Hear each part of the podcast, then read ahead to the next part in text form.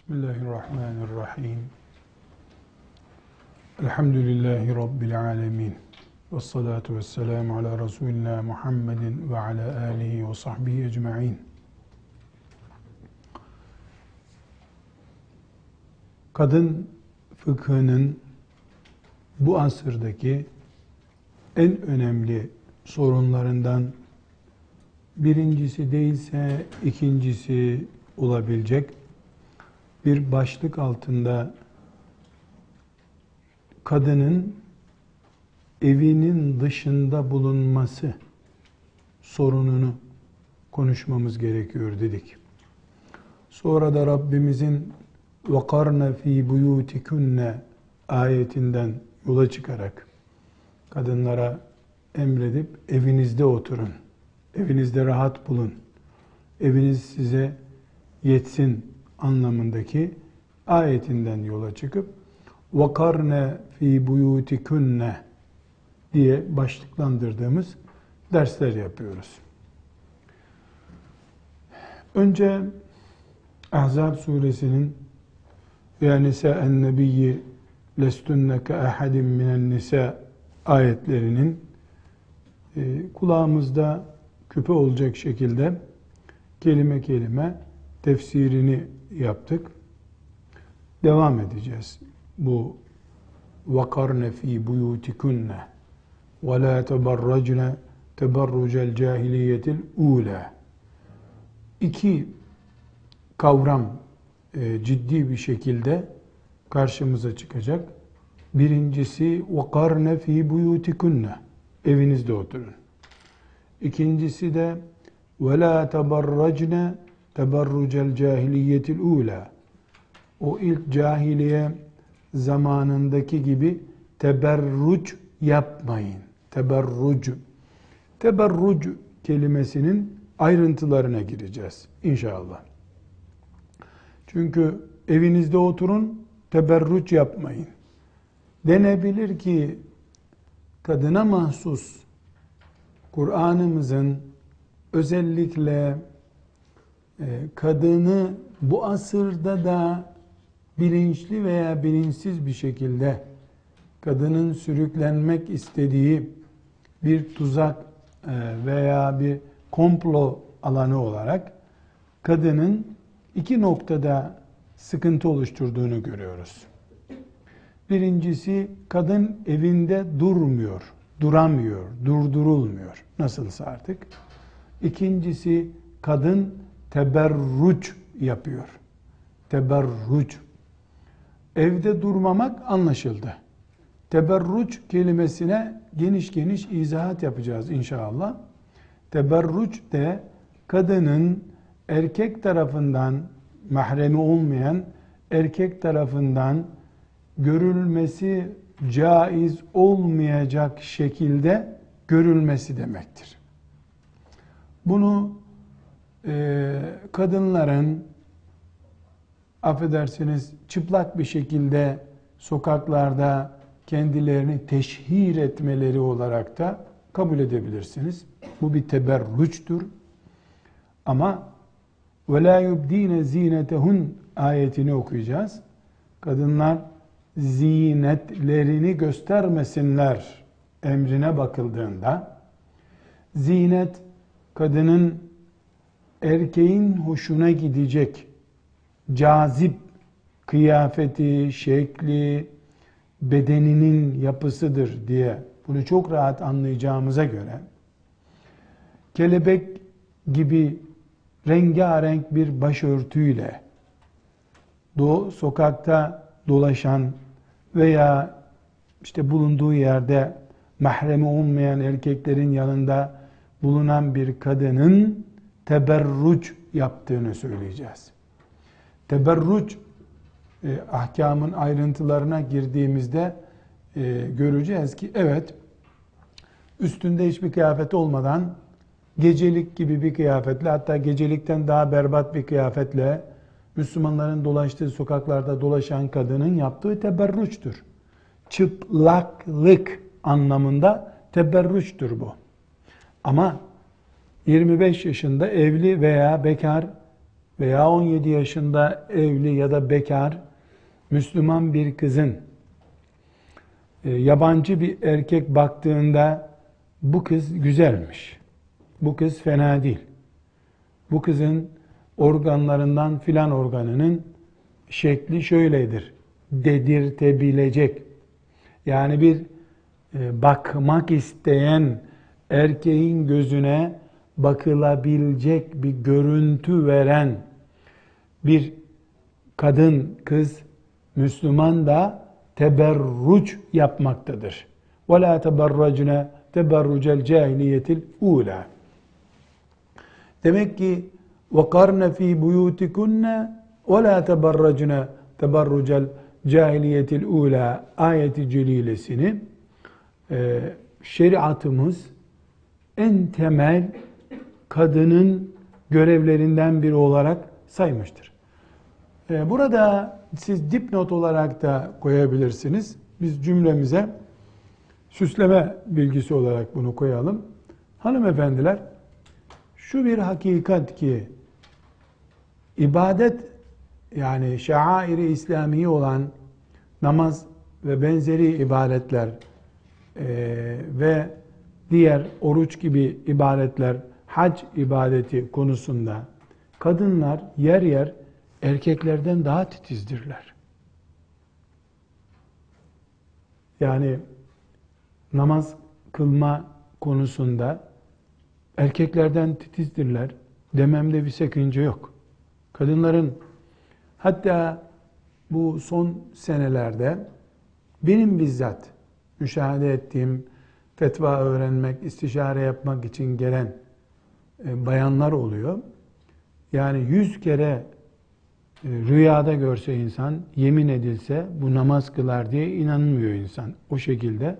Fakat bakıyorum namazı niyazda olduğunu söylüyor. Namazdan ne kastettiğini sordum bir tanesine. Havaalanında e, memurmuş.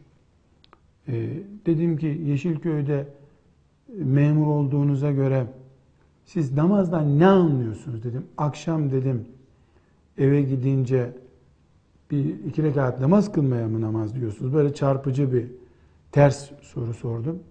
Namaz dedi eve gidince mi kılınır dedi. E nerede kılıyorsunuz dedim. Çamaşır değiştirdiğimiz kabinde kılıyorum dedi. Her zaman mı kılıyorsun dedim. Ben dedi 10 senedir namaz kaçırmadım hiç kazam yok dedi. Kaç vakit namaz kılıyorsunuz dedim. E çok rahatsız oldu bu sorudan. Namaz beş vakit dedi. Ben kaç vakit kılacağım dedi. İmam Hatip mezunu erkek arkadaşlarım var onlar kaçırıyor dedi. O bayanı böyle şuraya getirsek Müslüman mıdır desek yani bu üstüne başına bakarak ona Müslüman denmesi mümkün değil. Ama namaz kaçırmıyor. Ramazan-ı Şerif'te kadınlar ciddi bir şekilde oruca sahip çıkıyorlar. Şair-i İslamiye ne ediyorsak mesela e, sadaka verme konusunda yer yer kadınlar daha cömerttirler. Merhamet gerektiren, yetimle ilgilenmek gibi konularda daha cömerttirler. Bu asırda da, bundan önceki asırlarda da kadının temel karakteristik sorunlarından biri teberrüçtür. Şimdi çok daha açık ve seçik gördük ki kadının teberruç konusu yani teberruca genel mana olarak ne dedik? Görünmemesi gereken bir tarzda erkeğe görünmek. Bunun adı teberruç. Bu e, çarşaflı iken de çarşafsız iken de bu sıkıntı olabilir. Çok net bir şekilde şunu söyleyebiliriz. Yani Müslüman hanımefendinin en yakın ölçülerde e, illa isim vereceksek bir kıyafete çarşaf en yakın Kur'an emirlerine en çok sıcak görünen kıyafettir. Bunu defalarca derslerimizde söyledik. Ama İslam'ın tek emri çarşaftır sözü batıldır. Çarşaf en yakın Kur'an'ın tarif ettiği şeye en yakın kıyafettir. Bunu bu şekilde not edelim. Ama bu notun kenarına şunu da yazalım. Eğer Sadece çarşaf giyiyorsa bir bayan, alttan kalın bir görüntü oluşturacak yelek ve benzeri bir kıyafet yoksa ve çarşafı da başörtülü himar dediğimiz yani üstten e, bütün e, bele kadar olan kısmı baştan bir parça haline getirecek olan üst kısmını eğer kullanmıyorsa ince tül gibi bir kıyafet sadece jarse isimli bir kumaştan yapılıyor. Buna da çarşaf deniyor diye mesela rüzgarlı bir havada asla tesettür kıyafeti değildir. Rüzgarlı bir havada, yağmurlu bir havada alttan takviye edilmemiş, yani iç kıyafet olarak takviye edilmemiş, hafif de kilolu bir bayanın giydiği çarşafın isminin çarşaf olması o kıyafetin Kur'an'ımızın tembih buyurduğu kıyafet olmasını gerektirmiyor. E, ismi çarşaf. E, çarşaf ama ben bir Müslüman olarak abdest almadan kıbleye dönüp namaz kılsam, e kıbleye döndük diye şimdi bu namaz, namaz mı olacak? Şeriatımız çarşaf, yorgan diye bir şey diretmemiştir. Ne buyurmuştur Kur'an'ımız? Kadınlar e, cilbaplarını üzerlerine atsınlar buyurmuştur. E, cilbap kelimesi bizim çarşafımıza yakın anlam mı oluşturuyor? Evet oluşturuyor ama beni bu ilgilendirmiyor. Beni ne ilgilendiriyor? Rüzgarlı bir havada yürürken kadının bel ölçüleri, göğüs ölçüleri, omuzla boyun arasındaki mesafe farklılıkları, e, mesela affedersiniz bacak e, şekilleri rüzgarın da etkisiyle belli oluyorsa bu teberrüçtür. Evet, teberrüç kastı ile sokağa çıkması fasıklıktır. Ayrı bir konu. Bu teberrüç niyeti olmadan gafletle rüzgara yakalanıp fark etmeden rüzgarda işte berbat durumda olması elbette basit bir hatadır. Allah gafurur rahimdir. Bütün kullarına rahmetinin kapısı açıktır. Ayrı bir konu. Ama teberrüç kelimesine giriş yaptığımız için e, bunu açıklamak istiyorum. Yani Müslüman kadının sorunu e, çarşaf, filan kıyafet, ferace adına onlarca isim ne isim verilirse verilsin bu isimlerin üzerinde kavga etmenin manası yoktur. Cahillik çeşididir bu. Yani e, yorgan gitti, kavga bitti. Hala biz çalınan yorgan beyaz yorgan mıydı, kırmızı yorgan mıydı? Bunun kavgasını yapmış gibi oluruz. Sakın size tavsiyem isimler üzerinde münakaşa etmeyiniz. E, biz teberruç ne ediyoruz?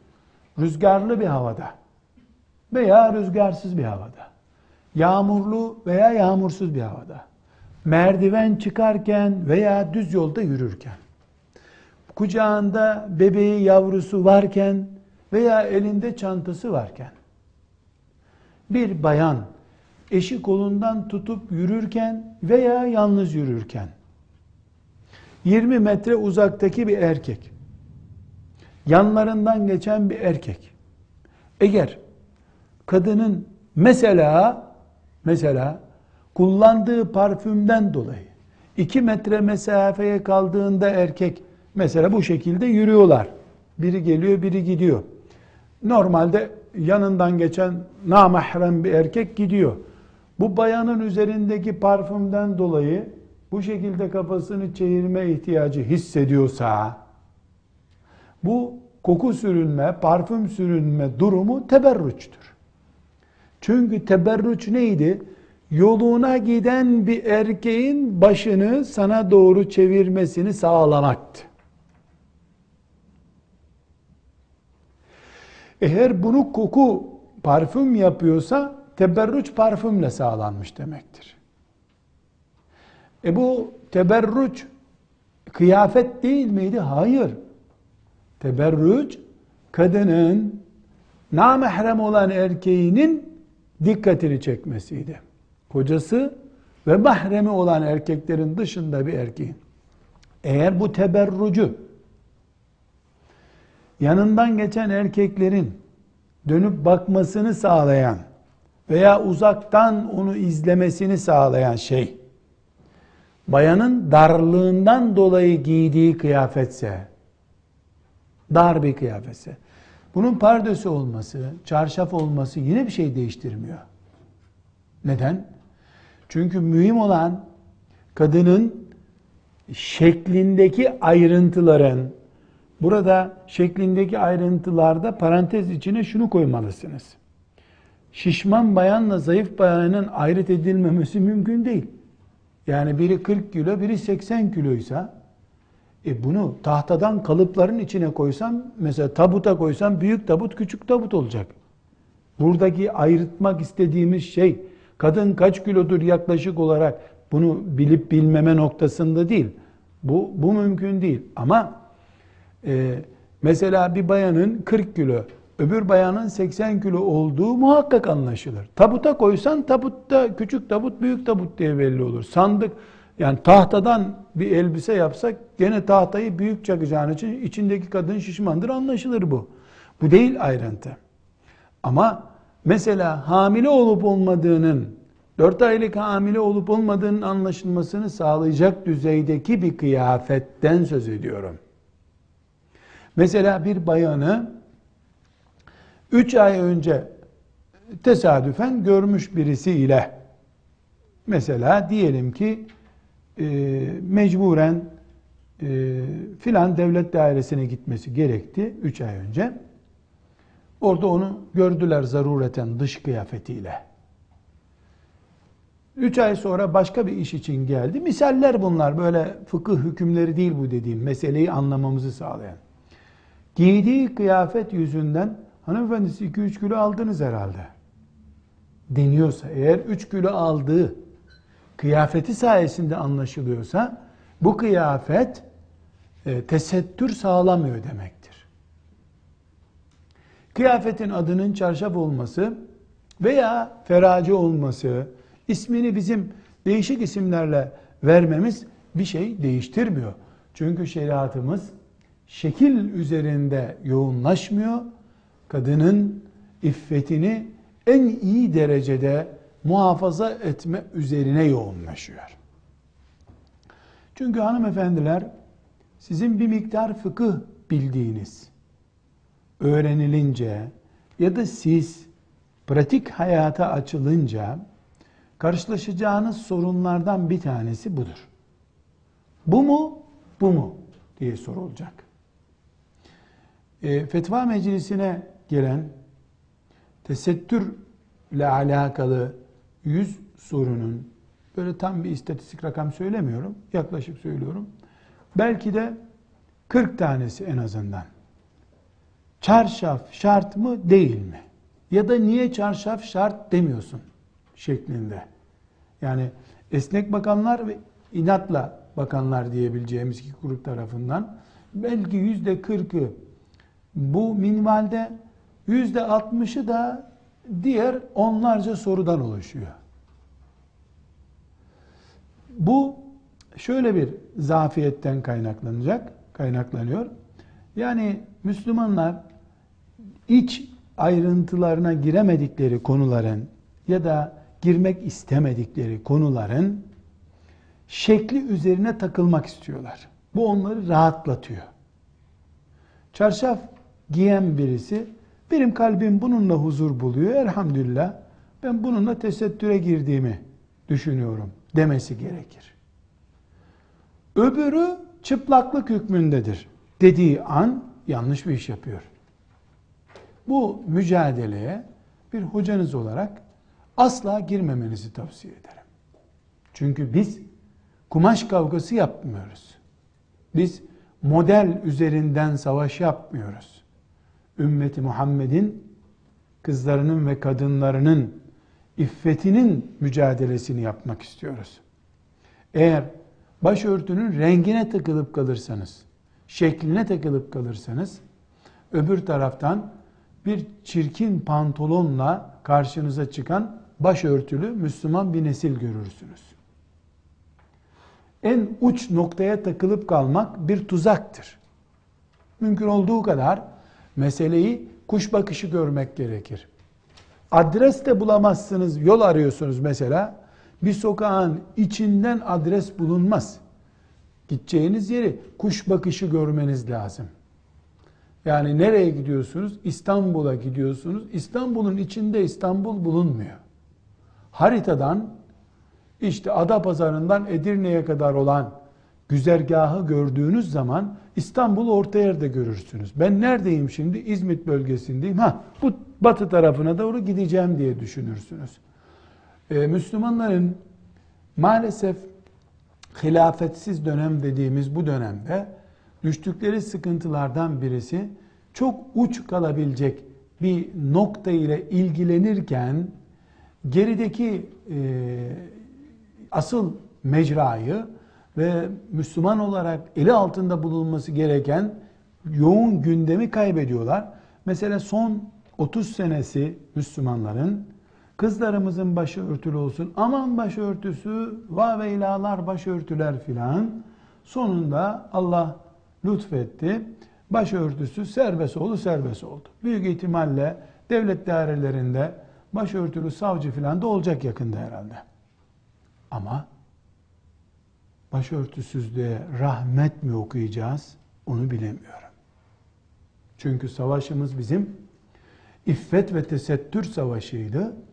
Başörtüsü o savaşın yüzde onuydu belki. Yüzde onuyla ilgilenirken biz tesettür gitti, bayan evinden çıktı gitti. Bu sebeple teberruç konusunu konuşurken özellikle muhakkak zihnimizde olması gereken bir konu olarak biz teberrüçten ne istiyoruz? Ne anlıyoruz? Nereden korkuyoruz? Sorusunun cevabını iyi bilelim diye bu ayrıntıya girdik. Şimdi hanımefendiler fi buyutikunne ve la teberracne teberrucel cahiliyetil ula ayetinden yola çıkarak devam edeceğiz. Ancak buraya e, bir nokta koymamız lazım.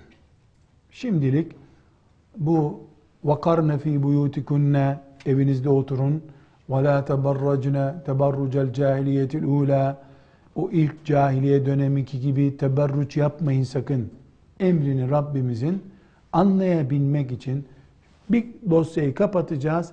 Yeni bir başlık açacağız ama bu başlık esasen bir usulü fıkıh konusudur. Fıkhın bu bölümünün konusu değildir. Usulü fıkıh konusudur. Fakat burada biz derin bir hükümler içerisindeyiz. Kadını sanki eve hapsetmiş gibi vakarne fi buyutikün ayeti ortaya çıkıyor. Yahu parfüm sürdün çıkma, başörtünde beyazlık var çıkma, çantanın rengi kıyafetinin rengi gibi olsun dikkat çekmesin. Adeta sanki böyle kadının üzerine bir yığın moloz döküyoruz aman kıpırdamasın, hareket etmesin gibi sanki kadını ellerinden kollarından mutfağa bağlıyoruz gibi bir görüntü var. E, dolayısıyla şeriatımızın bu inceliklerinin daha iyi anlaşılması bakımından tedbir kavramı üzerine bir bölüm açacağız. وَقَرْنَ ف۪ي بُيُوتِكُنَّ وَلَا تَبَرَّجْنَ تَبَرُّجَ الْجَاهِلِيَةِ الْعُولَى ayeti bir tedbir ayetidir. Yani kadın e, suçlu, günahkar, el, günah keçesi dolayısıyla vurun kadının üzerine anlamında değil bu ayeti celile. Zaten böyle bir şey çıkmıyor ortaya. Şeytanlar ve şeytanın mesaisini yürüten iki ayaklı şeytanlar bu tür bir propaganda yapıyorlar şüphesiz. Yani sanki kadın tesettüre büründüğünde bir tür esir kampındaki gibi gösteriyorlar kadını ama biz diyoruz ki ya da şeriatımızdan anlıyoruz ki kadın asla esir filan değildir. Kadının üzerinde bir tedbir paketi vardır. Kadının evde kalması bir tedbirdir, ihtiyattır. Ee, kadının teberruç yapma demez, denmesi kadına esasen mesela parfüm örneğinden yoğun bir şekilde veriyoruz. En kolay anlaşılacak parfümdür. Yani erkek sürüyor, kadın sürüyor. Ee, niye e, kadına e, parfüm sürdüğünde erkek bulunan bir topluma çıkma diyoruz? Bu bir ihtiyattır. Yani tedbirdir. Çünkü senin iffetinin korunması gerekiyor. Halbuki e, parfüm kullanarak zorunlu bir şekilde erkeklerin sana bakmasına prim vermiş oluyorsun. Bu yüzden tedbir açısından parfüm kullanma dışarı çıktığın zaman diyor. Evde iken eşine karşı da en lüks, en kaliteli parfümü kullan. O zaman da önünü açtığı gibi emrediyor üstelik. Yabancıya karşı ihtiyat getiriyor, tedbir getiriyor ama evde kapını, pencereni neyin varsa aç eşine karşı, e, mahremine karşı serbestsin diyor. Bu e, bir ihtiyat yani ihtiyat ne demek? Tedbir. Bir tedbir e, anlayışı beraberinde getiriyor. O yüzden diyoruz ki e, kadın açısından kadına dair şeriatın inceliklerini anlayabilmek için bir tedbir kavramı açmamız lazım. Bu bir usulü fıkıh konusudur. Bu usulü fıkıh konusuna bu şekilde bir ara fasıl açmış olalım ki zihnimizde inşallah e, yer bulur. Siz notlarınızda bunu başka bir bölüme taşıyabilirsiniz. Yani teberruç ile direkt ilgisi yok bunun. Burada e, bu ihtiyat, tedbir kelimesini bu derse ilave etmeme neden olan bir e, konu var. E, sizlerle bunu paylaşayım. İnşallah siz de kendinize göre bir zihin tartışması yaparsınız. Bir hanımefendi ısrarla e, randevu istedi. Buyurun dedim. Geldi. Kültürlü okumuş. E, tesettürlü yani kendine göre tesettürlü, bana göre teberruçlu. Tesettürlü değil. Ama tesettür, yani dışarıdan evliya tesettürü gibi tesettürü var. E, dedi ki, hocam dedi, e, en az 2000 sorunuzu ve cevabınızı okudum dedi. Çok güzel dedi. Yer yer savunma numarasıyla kadına saldırıyorsunuz dedi. Çok sinsi bir şekilde. Ne demek bu dedim. Aslında tokatlayacaksınız dedi. Şımartıyorsunuz sonra tokatlıyorsunuz dedi. Mesela dedim 10-15 tane sorulara verdiğim cevabı fetva meclisi .com'dan okumuş. Hakikaten baktım incelemiş. Tabi e, bakış tarzı bir defa şüpheci, kavga etmek için olunca e, en onun lehine olan şeyi de öyle anlamıyor. Dedim ki bir bayan olarak sizinle bu konuyu münakişe edemem dedim. E, başka özel bir sorunuz varsa dedim, onu sorun. Hem beni meşgul etmeyin hem sizin zihniniz kilitli. Sadece e, boşalmak, rahatlamak için geldiniz siz bana. Bir anlamı yok konuşmamızın. Benim vaktim yok dedim. O zaman dedi bir soruma cevap verin dedi. Buyurun dedi. Niye Peygamber aleyhisselam o aleyhisselam demiyor ben aleyhisselam diyorum. Niye Peygamber aleyhisselam kocası kendisinden razı olan kadın cennete girer diyor dedi. İstemiyor musun cennete girmek dedim. Öyle değil dedi. Bu kocanın önünde paspas ol demektir dedi. Erkek hiç memnun olur mu kadından dedi. Ayağını yıkayıp suyunu iç demektir bu dedi. Madem adaletli dedi, bu cümle ona ait. Madem adaletli, niye karısı kendisinden razı olan erkek cennete girer demiyor dedi. Adaleti sağlasın dedi. Ben de Allah sabır verdi bir şey demedim. Bizim peygamberimiz böyle dedi. İdare edivereceksin dedim. Benim de peygamberim o dedi. O senin bileceğin bir şey dedim. O senin bileceğin bir şey dedi. Ama dedi beni sana ezdiriyor dedi. Nasıl ezdiriyor dedim. Namaz şartı gibi kocana itaat şartı getiriyor dedi. Erkek dedi keyfini sürüyor akşama kadar dedi. O sokak senin, bu cadde benim dolaşıyor. Akşam bir de karısından hizmet görüyor. İkisi ölünce sabahleyin kadına soruyorlar kocan memnun muydu? Bakacağız ona göre cennete koyacağız seni diyorlar dedi. Şimdi bu söz çok açık bir şekilde sahih bir hadisi inkar. Sadece inkar değil, yani hadisi bu hadisi istemiyorum, beğenmiyorum değil, daha ötesinde e, bu mantık Peygamber aleyhisselamı belediye başkanı gibi görme mantığı. O mahallenin çöplerini topladın, bizim mahallenin çöplerini niye toplamıyorsun? Sana oy vermeyeceğiz daha. Diyorlar ya belediye başkanına insanlar. Peygamber aleyhisselamı bu şekilde görüyor. O kadar sinirlenmiş ki o peygamber niye böyle dedi derken ben aleyhisselam sallallahu aleyhi ve sellem diyorum. İnadına bir daha peygamber diyor. Yani o da benimle beraber bir aleyhisselam demiyor. Küs çünkü. Ama başörtüsü var. Fena bana göre değil ama yani sokak kıyafetlerine göre güzel. Müslümancı da bir kıyafeti var. Çıkardı işte Tirmizi filan getirmiş tercümesini. Ee, bundan okuyorum dedi. Çok okuyor musun? Vallahi çok hoş şeyler de var diyor. Bu cümle de ona ait. Tirmizi'de çok hoş şeyler de varmış. Demek ki bir ansiklopedi görüyor hadis-i şerifteki bilgileri. Hoşuna gidenler oluyor bir bayan olarak. Hoşuna gitmeyenlerin de üstünü çiziyor. Ondan sonra ben de dedim ki sen dedim bu konuyu Birleşmiş Milletler'e taşı. Orada hallettir bu işi dedim. Ondan sonra siz benimle alay ediyorsunuz dedi.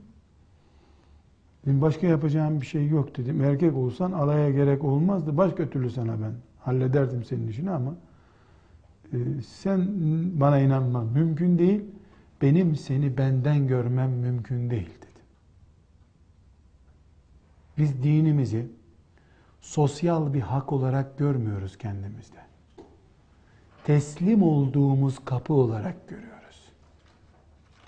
Sen ise yasal bir hak, dolayısıyla vatandaşlık haklarından bir hak olarak da seni devletin filan işte güvenceye alması gerektiği gibi bu konuda da bir güvenceye alması gerektiğini düşünüyorsun. Ben öyle düşünmüyorum dedim.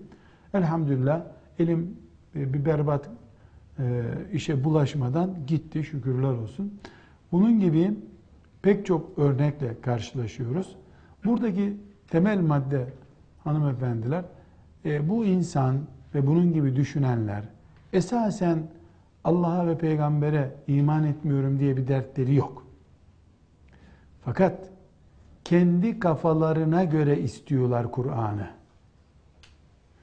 Bu bir tür aklı putlaştıran mutezile kafasıdır.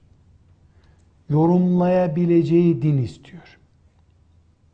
Bu arada da dinin tedbir olarak ortaya koyduğu şeylerden aklına takılanları yok sayıyor. Bu bayanın e, tartışma konularından 5-10 dakika oturdu çünkü. Birisi diyor ki bak diyor, hocam diyor, Kur'an diyor ya diyor alkolün zararı var, kumarın zararı var. E doğru diyor. Bak Kur'an söyleyince doğru söylüyor diyor. Kur'an söyleyince doğru söylüyor diyor. Sorun Peygamber aleyhisselam kafadan atınca yanlış atıyor demek istiyor bundan. O zaman zaten şartelim çıktı kafamdan. Ee, yani burada biz aklımıza koyacağız. Hmm, uygundur. Uygundur dedikçe oy vereceğiz. Biz oy verdikçe belediye başkanı seçilecek. Buna din denmez. Buna ne denir? Oyuncak bir eğlence denir. Dinini eğlence edinenlere Allah'ın azap tehdidi vardır. Bu sebeple e, Müslüman olarak bizim dinimizin getirdiği kadına ve erkeğe illa kadına değil yani bu kadının teberrucu konusunda şey, ağır tedbirler getirdiği zaman din zevkine düşkün erkeklere de ağır geliyor bu. Erkekler niye e, kadın savunucusu oluyorlar? Göz zevkleri bozulmasın diye, bel zevkleri bozulmasın diye. Çok da kadına acıdıklarından değil. 70 kadın ona cariyelik yapsa e, rahat etmez. Gene 70 daha ister. Ama mikrofonun önüne geçtiğinde kadına zulüm olmasın, kadına şöyle olmasın diye edebiyat yaparlar. Göz zevkleri, el zevkleri doysun, o aradaki menfaatleri kaybolmasın diye. Allah'tan daha iyi kadın acıyan bir Rab bulunur mu? Celle Celaluhu.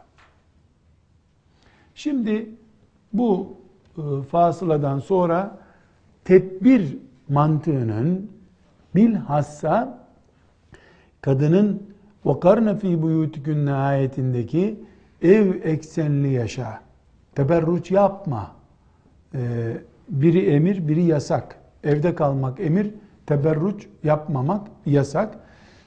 Bunun etrafında döndüğü hükümler var. Daha sonraki dersin devamında göreceğiz. İşte kadının camiye çıkması, cenazeye çıkması, anasını babasını ziyarete gitmesi, bakkalı ihtiyacını karşılaması gibi pek çok nedenle evden çıkması ile ilgili konuları konuşacağız.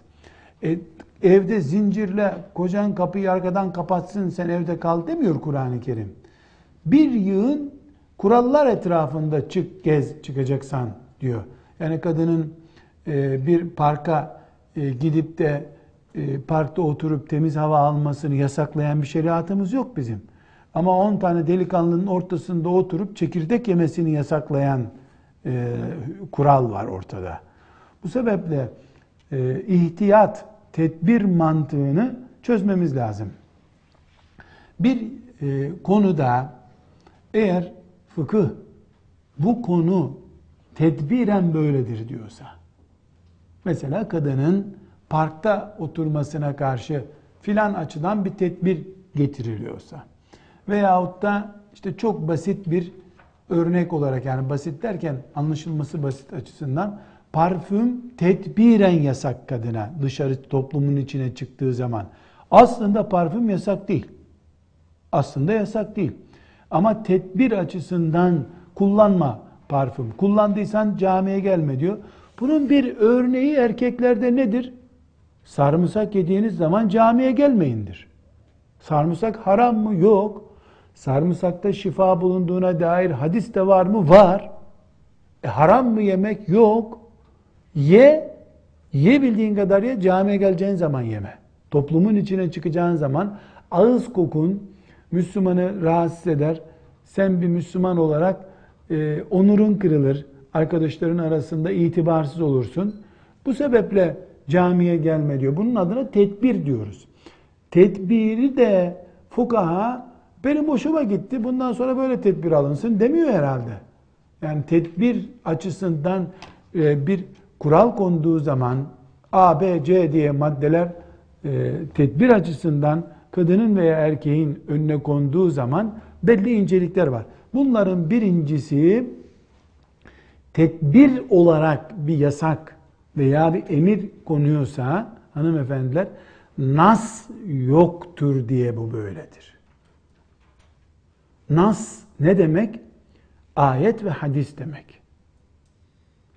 Ayet ve hadis mesela e, parfüm kullandığınız halde camiye gelin şeklinde bir hadis olsa İmam Malik çıkıp da tedbir olarak bunlar camiye gelmesinler diyemez bir daha. Fukaha ne zaman tedbire başvuruyor? Elinde o konuyla ilgili ayet yoktur, hadis yoktur. Çünkü ayet ve hadis olsa zaten ayet ve hadise ne diyoruz? Nas diyoruz. Nun ve sat harfi şeddeli bir şekilde. En nassu metin demek Türkçedeki. Metin yani belgeli metin demek. Bizim fıkıh açısından nas Kur'an ayeti ve hüküm belirten hadisi şeriflere deniyor. Fukaha eğer bir e, nas buluyorsa o nas zaten ya haramdır diyecek ya helaldir diyecek. Haramdır dediği zaman e, fukahanın tedbirine gerek yok. Tedbire ne gerek var? Haramdır der biter iş. Helaldir diyorsa E, bir fakihin, müştehidin helale karşı tedbir getirmesi mümkün mü? Mesela e, diyelim ki e, ekmek yemek helal midir? Helaldir. Buğday ekmeği helaldir. E, bir fakih e, bu e, gavurlar un yaparken alkol katmış olabilirler. Tedbir olarak ben ekmek yenmesin diyorum. Diyemezsin böyle bir şey. Niye? Ekmeğin helal olduğu nasla sabittir. Sen bir daha kalkıp da ihtiyat mı ihtiyat diyemezsin. Gerçekten hamur olma sürecinde buna alkol katıldı diye bir belgen varsa o zaman tedbire gerek yok. Haramdır da alkolden dolayı. Demek ki gerek tesettür, gerek evde kalma ve gerekse teberruca karşı tedbir alma gibi bütün her bu konuların başlıkları altında fıkıhın tedbir olarak Müslüman kadının önüne çıkardığı mesela e, tedbir olarak işte renkli başörtü takınma mesela tedbir olarak e, ince çok ince tül gibi bir kıyafeti çarşaf olarak giyme e, dediği zaman mesela biraz önce ne dedik e, rüzgarda çok ince ayrıntıları ortaya koyuyorsa bu kıyafet benimsenemez dedik. Elimizde bir ayet veya hadis olsaydı jarse kumaştan yapılan çarşaftır Allah'ın emri deseydi çıplak da yapsa biz bunu giyerdik daha karışmazdık gerisine. Ama elimizde böyle bir nas yok. Nas olmayınca ne yapıyoruz? Tedbir almamız gerekip gerekmediğine bakıyoruz fıkıh olarak.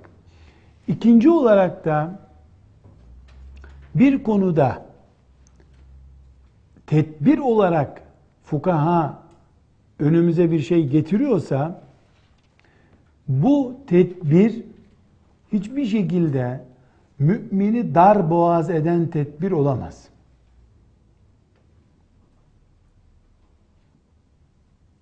Dar boğaz ne demek? Şimdi müminin mesela hapishaneye girmesi dar boğaz olmaktır. Mesela haciz görmek. Hapishaneye girmeden önce haciz görüyorsun. Evindeki buzdolabı dahil her şeyini alıp götürüyorlar. Bu bir dar boğaz olmaktır. Meşakkattir. Bu meşakkat yani müminin altından kalkamayacağı büyük bir yükün altına sokulması tedbir olarak karşımıza çıkarılamaz. Buna çok e, zor bir örnek vereceğim. Sizler büyük bölümünüz bekar olduğunuz için e, bir kısmınız da yavruları henüz küçük olduğu için bunu anlamayacaktır. Ama kız çocuğu olup da onu okula göndermek durumunda olan anneler bu sözümü çok iyi anlıyorlardır. İçinizde de vardır öyle anneler. Çok iyi anlıyorlardır. Şimdi bakınız. Bir kız çocuğu aybaşı olduğu zaman kadın hükmündedir. Dolayısıyla e, başını açıp veya başını açmadan erkeklerin ortasında 50 yaşında bir kadın ne kadar oturabilirse 13-14 yaşında bir kız da lisede, ortaokulda e, bir erkek öğretmenin 10 tane erkek arkadaşının önünde o kadar oturabilir. Dolayısıyla onu konuşmuyoruz.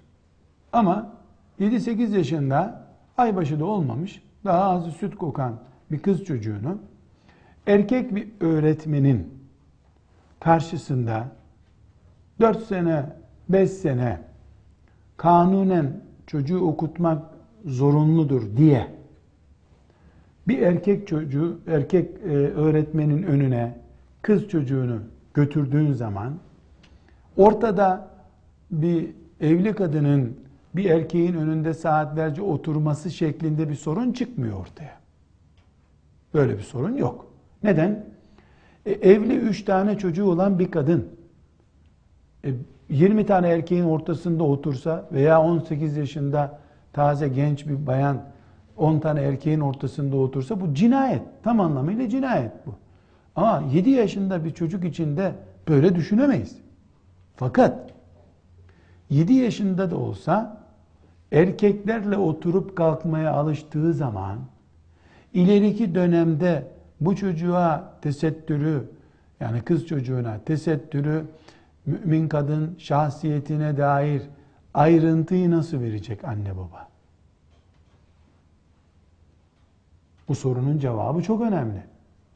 Çünkü çocuk 6 e, yaşında okula gitti. 12 yaşından sonra göndermedik okula diyelim. Ama bu arada 5 sene, 6 sene çocuğumuz erkek arkadaşlarıyla top oynadı. Erkek öğretmen aferin dedi onun saçını okşadı.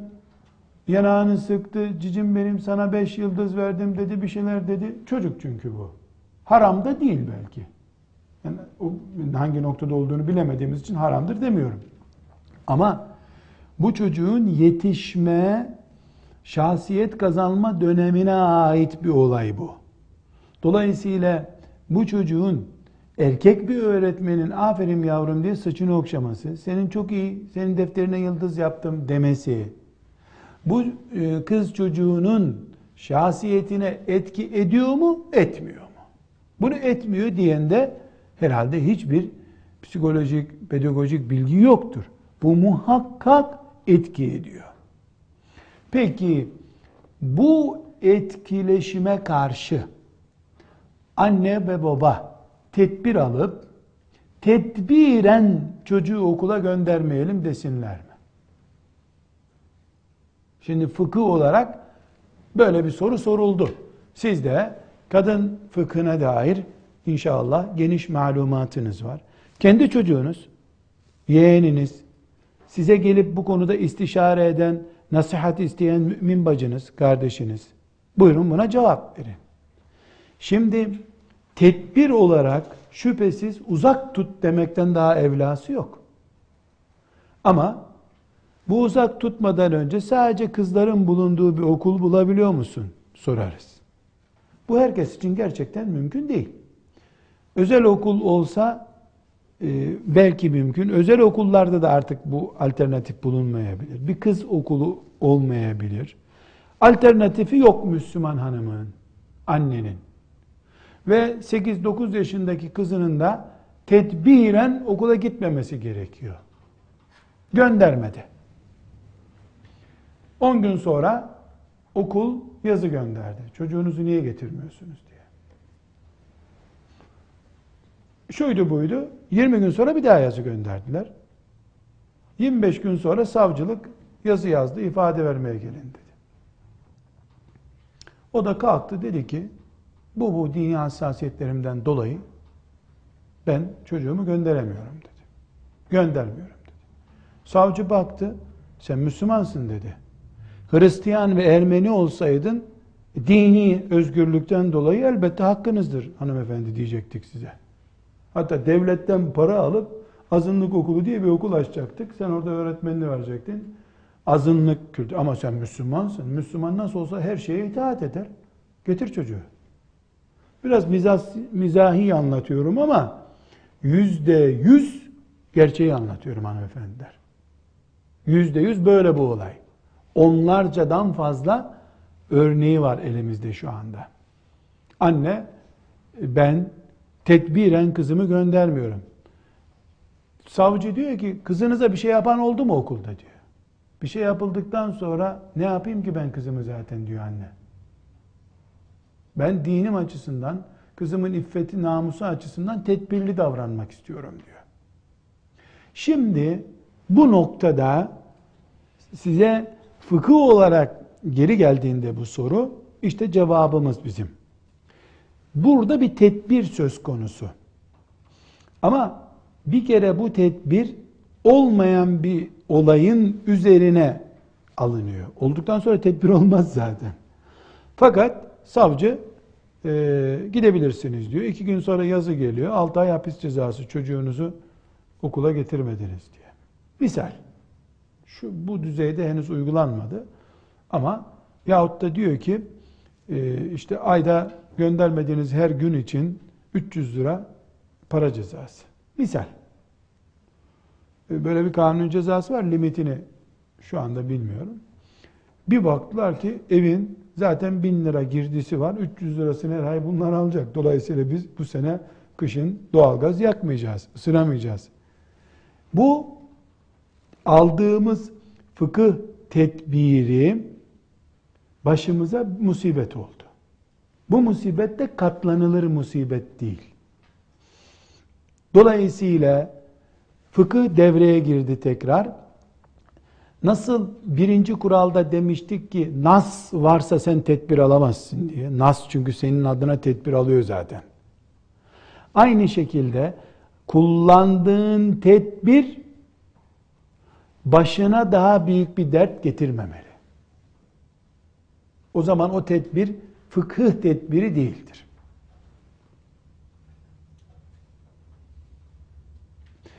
Burada tabi hanım kızlar her mümin kendi imanı, kalbiyle ilgili bir sorunla karşı karşıya kalmış olur. Yani mesela savcı karar verdi. Her gün 5 lira e, ceza vereceksin bu çocuğu okula göndermediğin için dedi. E zaten sen bu çocuğa 5 lira harçlık veriyordun. O tamam tedbir gerekmedi. Niye? E, ne demiştik fıkıh kuralı olarak? Başka bir belageti 5 ya 5 lira sen bu çocuğa sakız parası veriyordun ama her gün.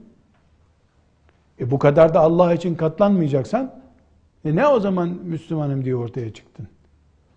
Demek ki o taraftan veya bu taraftan uç hale gelmeden tedbir almak gerekiyor.